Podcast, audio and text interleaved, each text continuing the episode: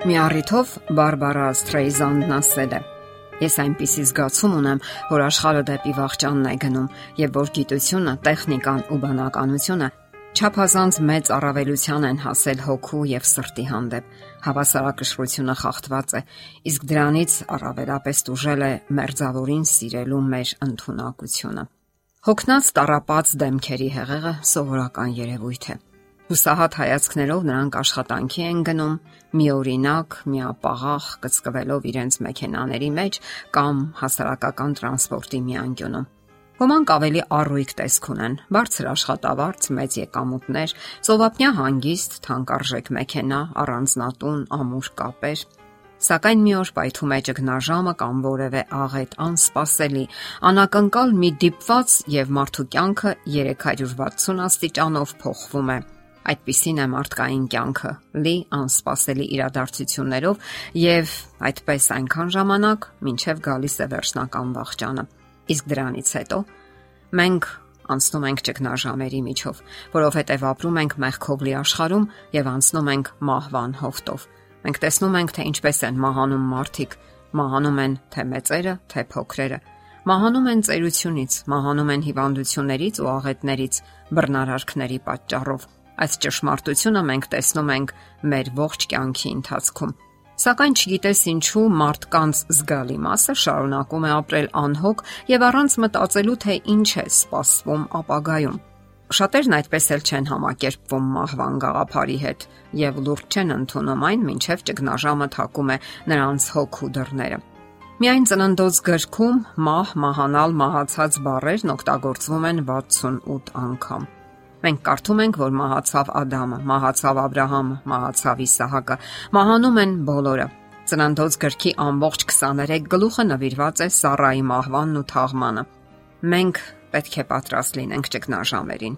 Եթե չհաշվենք բացառիկ դեպքերը, դեռ ոչ մի մարդու չի հաջողվել խուսափել մահից ճգնաժամերից առավել եւս, սակայն այն, ինչ մենք ասացինք, դեռևս բոլորը չէ։ Բարի լուրն այն է, որ մենք միայնակ չենք այս աշխարհում։ Մենք տիեզերական որբեր չենք, որ թողնված են բախտի կմահաճույքին եւ ոչ էլ առավել եւս տիեզերական փոշի ենք։ Մենք Աստծո զավակներն ենք, ովքեր ունեն իրենց երկնային հոր խոստումները եւ այդ խոստումների համաձայն մենք ոչ միայնակ ենք եւ ոչ էլ լքված։ Դավիթ Թագավորը մի սքանչելի սաղմոս ունի, 23 սաղմոսը այնտեղ կարդում ենք. Եթե մահվան ստվերի ձորի մեջ էլ քայլեմ, չար բանից չեմ վախենա, որովհետև դու ինձ հետ ես։ Քո գավազանն ու քո ցուպը մխիթարում են ինձ։ Աստված սին հույսեր չի տալիս մեղավոր մարդուն, սակայն խոստանում է իր պաշտպանությունը այն մարդուն, ով հույսը իր վրա է դրել։ Շատերն են իրենց սին հույսերով կերակրում, որ ամեն ինչ լավ է լինելու, որ այստեղ թալանելով ու գրփելով, շնանալով ու սپانելով, գողանալով ու խափելով փրկություն են գտնելու, դրախտ են գնալու։ Նրանք մտածում են, որ եթե հոգին անմահ է, ամեն ինչ թույլատրելի է եւ կարելի է գոյատևել այս կամ այն կերպ։ Սակայն Աստված նման հույսեր չի տալիս։ Նա ասում է. Բարի է Տերը եւ ապաստան նեղության օրը։ Հոգ է տանում իրեն ապավինողներին Հրաշալի խոստում է այնպես չէ։ Աստված ճանաչում է իրեն ապավինողներին գողացող եւ ստող, խափեփալ ու թալանչի, սպանող ու շնացող մարդուն Աստված չի ճանաչում։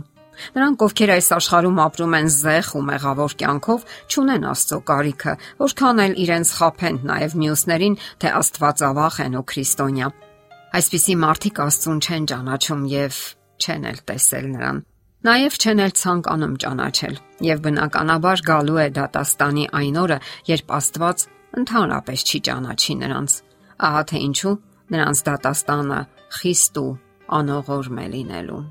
Աստվածաշնչում կարդում ենք. Ոչնչի համար մի մտահոգվեք, այլ ամեն բանում աղոթքով, աղաչանքով եւ գողությամբ ձեր խնդրանքները թող հայտնի լինեն Աստծուն։ Երբ մեր հույսը Աստծո վրա է եւ քայլում ենք նրա հետ, վայելում ենք նրա օրհնությունները եւ միշտ պատրաստ ենք ճգնաժամերի ժամանակ։ Աղետներ ու անսպասելի դիվային հարվածներ միշտ էլ կլինեն, սակայն մենք պետք է պատրաստ լինենք զինվելով Աստծո զորությամբ ու սպառազինությամբ։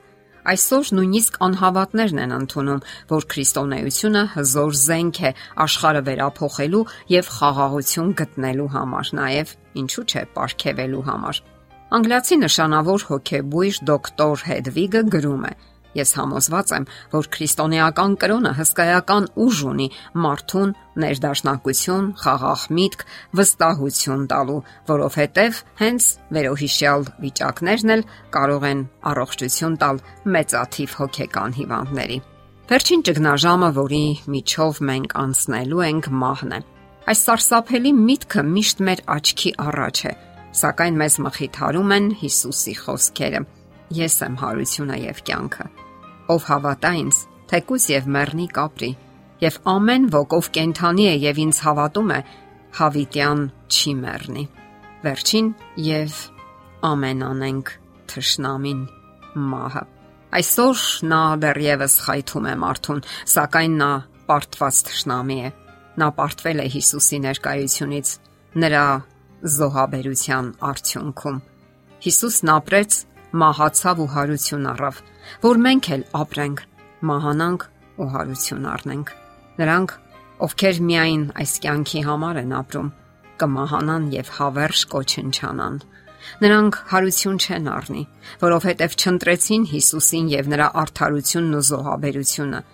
Նրանք այս կյանքում վայելում են իրենց երկրային հաճույքները։ Այլ ուրախություն նրանք չունեն։ Չեն ընտրում հավերժականն ու անանցը եւ կստանան այն, ինչը ընտրել են՝ ժամանակավորն ու մահը, հավերժական բաժանումն Աստծոց։ Դե ինչ, սիրելիներ, ընտրենք Աստծուն եւ նրա խոստումները, ընտրենք Աստվածային հույսն ու մխիթարությունը։ Այն երբեք չի խափում։ Եթերում է ղողանջ հավերժության հաղորդաշարը։ Հարցերի եւ առաջարկությունների համար զանգահարել 033 87 87 87 հեռախոսահամարով։